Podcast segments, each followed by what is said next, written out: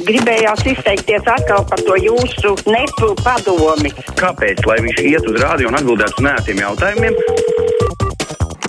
Telefona numurs mums tie paši 6722, 888, nu, un otrs numurs 6722, 559, vienkārši tādi, ja jūs vēl zvanījāt un gribējāt ko pajautāt, cip, pajautāt Cipulas kundzei, nu, tad tagad vairs tāda iespēja nav, nāksies aprunāties vienkārši ar to, kas ir palicis studijā, un tas esmu es. Nu, protams, rakstiet krustpunktā, Latvijas raidījumā, mājaslapā arī varat sūtīt savu sakāmo. Jā, lūdzu! Labdien! Labdien! Jautājums Cipuls, gan mm. Cipuls kundzei. Kur aizgāja? Halo? Aizgāja, ai, nepaspējāt. Nu, ko lai es jums saku, es jau te mēģināju, bet es saprotu, ka tik ātri vēl nevaram noorientēties. Tie, kas jau bija piezvanījuši, jau droši vien, kā jau visi pieklājīgi cilvēki, dzirdot, ko mēs sakām, ka vajag atslēgt radioaparāts, to laipni bija izdarījuši. Halo! Uh, labdien! Labdien! Runājot par to potēšanos, ziniet, es labprāt potētos, bet es baidos, ka cik man bija gadījumi, ka man potē cits pots, man stājas sirds. Bet vai šitie aizliegumi, tie gan man kaitina. Es domāju, ja šī tāda aizlieguma būs, es uz nevienām vēlēšanām vairs neiešu. Aizliegumi kādā Arī ziņā par, vēlēt. aizliegumi par ko? Nepaspēja pajautāt, kas ir tas, ko viņai aizliegs. Tomson kungs, es ceru, ka jūs zināt, ka profesionāls žurnālists ir objektīvs un neitrāls. Diemžēl vārdu profesionāls uz jums nevar attiecināt, tāpēc beidziet lūdzu par mūsu naudu propagandēt vakcināciju. Kas jūs tāds esat, ka norādāt, ko mums darīt? Laidiet taču tās šprices saviem bērniem, cik gribat, bet liek ciet mūsu mierā. Leinērta kungs raksta. Ko tad es jums daru? Es jau nemaz jūs gribēdams nevarētu aizvilkt līdz vakcinācijas punktam, ja man pat tāda vēlme būtu. Es, protams, izsaku savu viedokli, bet es diskusijās par šo neesmu neapšaubām gatavs baigi tālu iesaistīties. Vakardienas ziņā Roberto raksta pie Saulkalnes būvēs dzelzceļu un auto apvienoto tiltu par 200 miljoniem. Aizdomīgi lēti, jo dienvidu tilts bez dzelzceļa izmaksāja četras reizes dārgāk - 800 miljonus. No par dienvidu tiltu un izmaksām droši vien, ka mēs arī esam dzirdējuši, tur neapšaubām ir savi iemesli. Kāpēc tas tā bija? Uh, nu, šeit gan ir jāpiebilst arī vēl viena lieta. Te vēl visam tam pamatā neapšaubām arī būs Eiropas nauda, kur nu, ar to būs jāuzmanās. Halo! Kā man neizdodas šodien pacelt klausuli. Turpin lasīt tādā gadījumā no e-pastiem, ko jūs rakstāt par kaut ko priecīgāku. Rītdien RFS spēlēs Eirokaus pret Beļģijas Gentu Daugavas stadionā. Iesim atbalstīt. Cilvēks ir gatavs iesaistīties šādā veidā. Halo! Labdien! Labdien! Sakiet, vai jums nešķiet, ka ja visi Latvijas iedzīvotāji būtu simtprocentīgi potējušies un katrs kaut vai desmit reizes, ka tāpat viss saglabātos, ja attālinātā mācīšanās, ja attālinātais darbs. Nē, nešķiet, ja jūs man prasāt, protams, ir īpaši, ja vēl visi būtu desmit reizes paspējuši vakcinēties. Latvijai vislētāk atrisināt migrantu krīzi būtu vainīgajiem atvainoties par Baltkrievijas valsts karoga noraušanu. Un Tā mums cilvēks domā, ka tad problēmas Latvijā vīlas saka nebūtu vairs. Jā, lūdzu! Ah, labdien! Labdien. Es tikko kā braucu pa jūrmālas šoseju. Un apmēram kasenu kāju līmenī zem tilta ir salikta betona staba vidējā rindā. Tas ir trīs rindas, ir ātruma jūrmālas šoseja un vidējā ir salikta tur betona bloki un kā brīdinājuma zīme tur kaut kāda uzlikta ir un divi, divas zilas plasmas mucas. Es nezinu, ja vēl tur kāds nav nosities, varbūt, tur var paskatīties kaut kādu iepriekš zīmi uzlikt. Mm. Nebrauc tajā virzienā, tāpēc nezinu, bet, ja tā ir, tad cerams, ka kādi dzird, kuriem tas ir svarīgi un kas spēj tajā lietā reaģēt. Un tā, kas tad tālāk? Es ar mieru liktu to kungu mierā, raksta Mārtiņš, kuru kungu, bet lai viņš lien uz meža ieloku, nebāž degunu sabiedrībā un neapdraud mani un manus bērnus, kurus vēl neļauj vakcinēt. Tā, Mārtiņš iesaistās vakcinācijas tematikā. Halo! Lūdzu, radio. Jā, lūdzu, radio.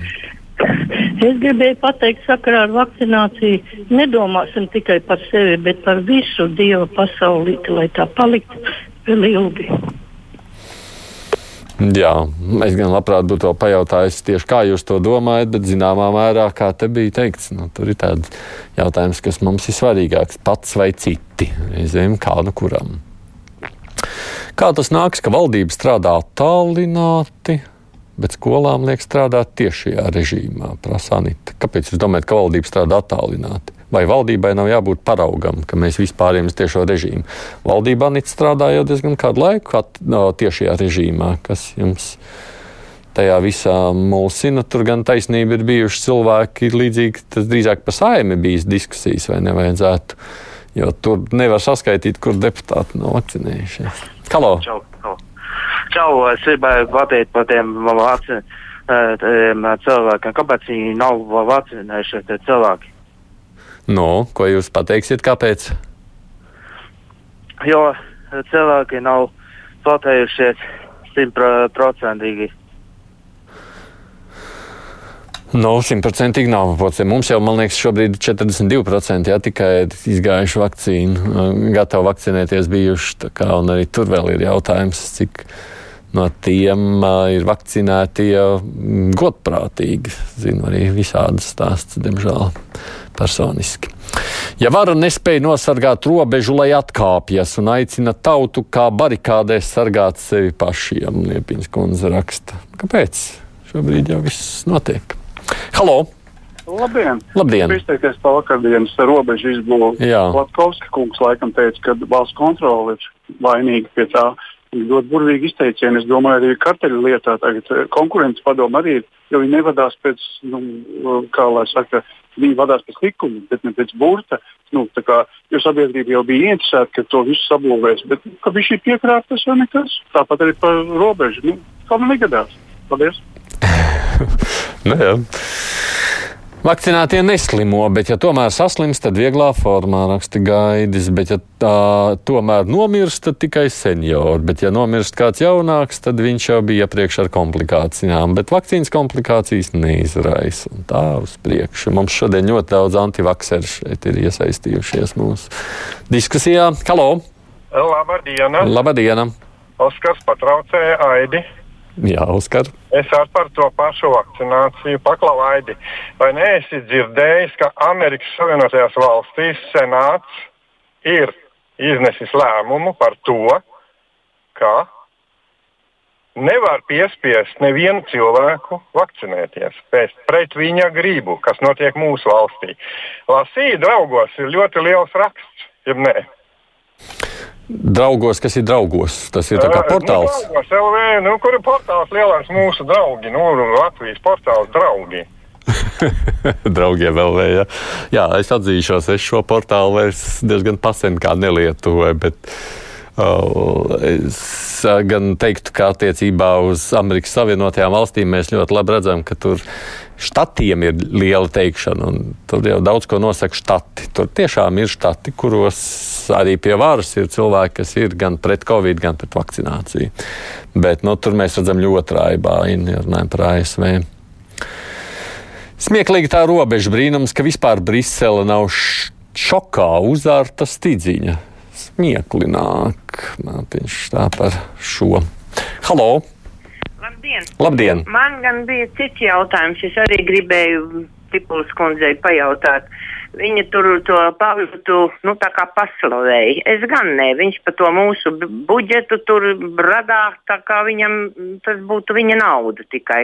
Un otrs, kas ir pa, pavļutu, vai tā, vai, vai arī to Cipuls kundze atbalsta, ka viņš vat sanitāriem un šoferiem tiem algu nepalielinās, tikai māsām un doktoriem paklausties.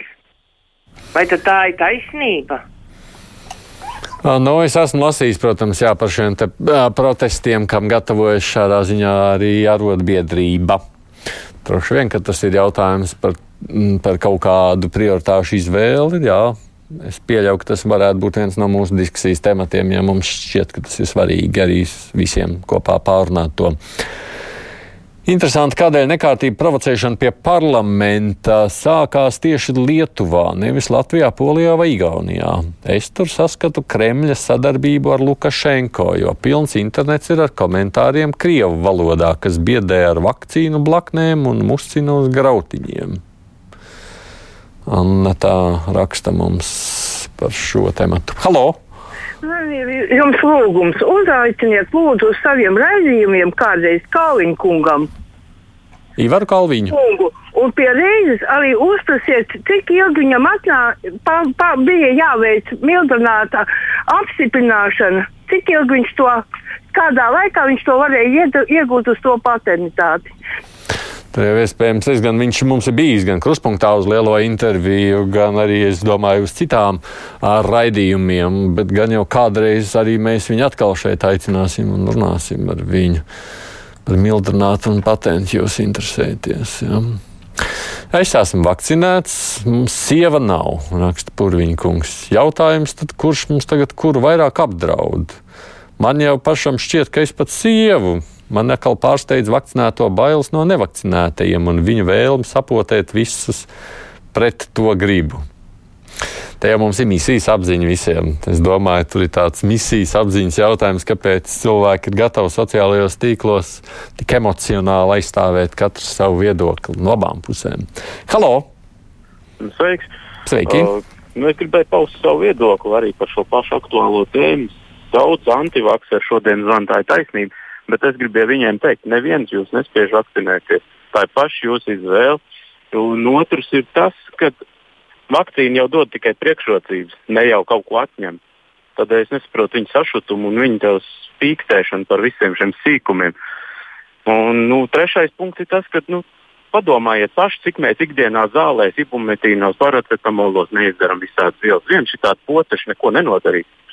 Tīri loģiski. Mm. Aldis raksta, kā tas nāks, ka tie kaujas saucieniem bagātie vakseri ir tie bailīgākie.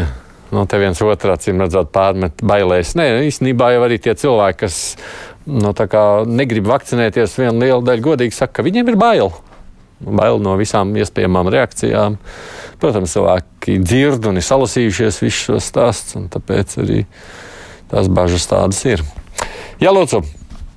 Labdien! Labdien. Es sakarā to robežu. Man tāds jautājums rodās, ja Leonīds Kalniņš saka, ka mums esot nesakārtot robežu. Ko tad darīja viss tā virspavēlniecība, valdība, prezidenti, armija vilkspavēlniekšos 30 gadus par to nodokļu naudu un to, ko viņi visu laiku iedalīja aizsardzības budžetam, ja viņi tik vien var kā uzart stidziņu ar robežu? No, tur jau atceramies, stāsts bija par to, ka mē...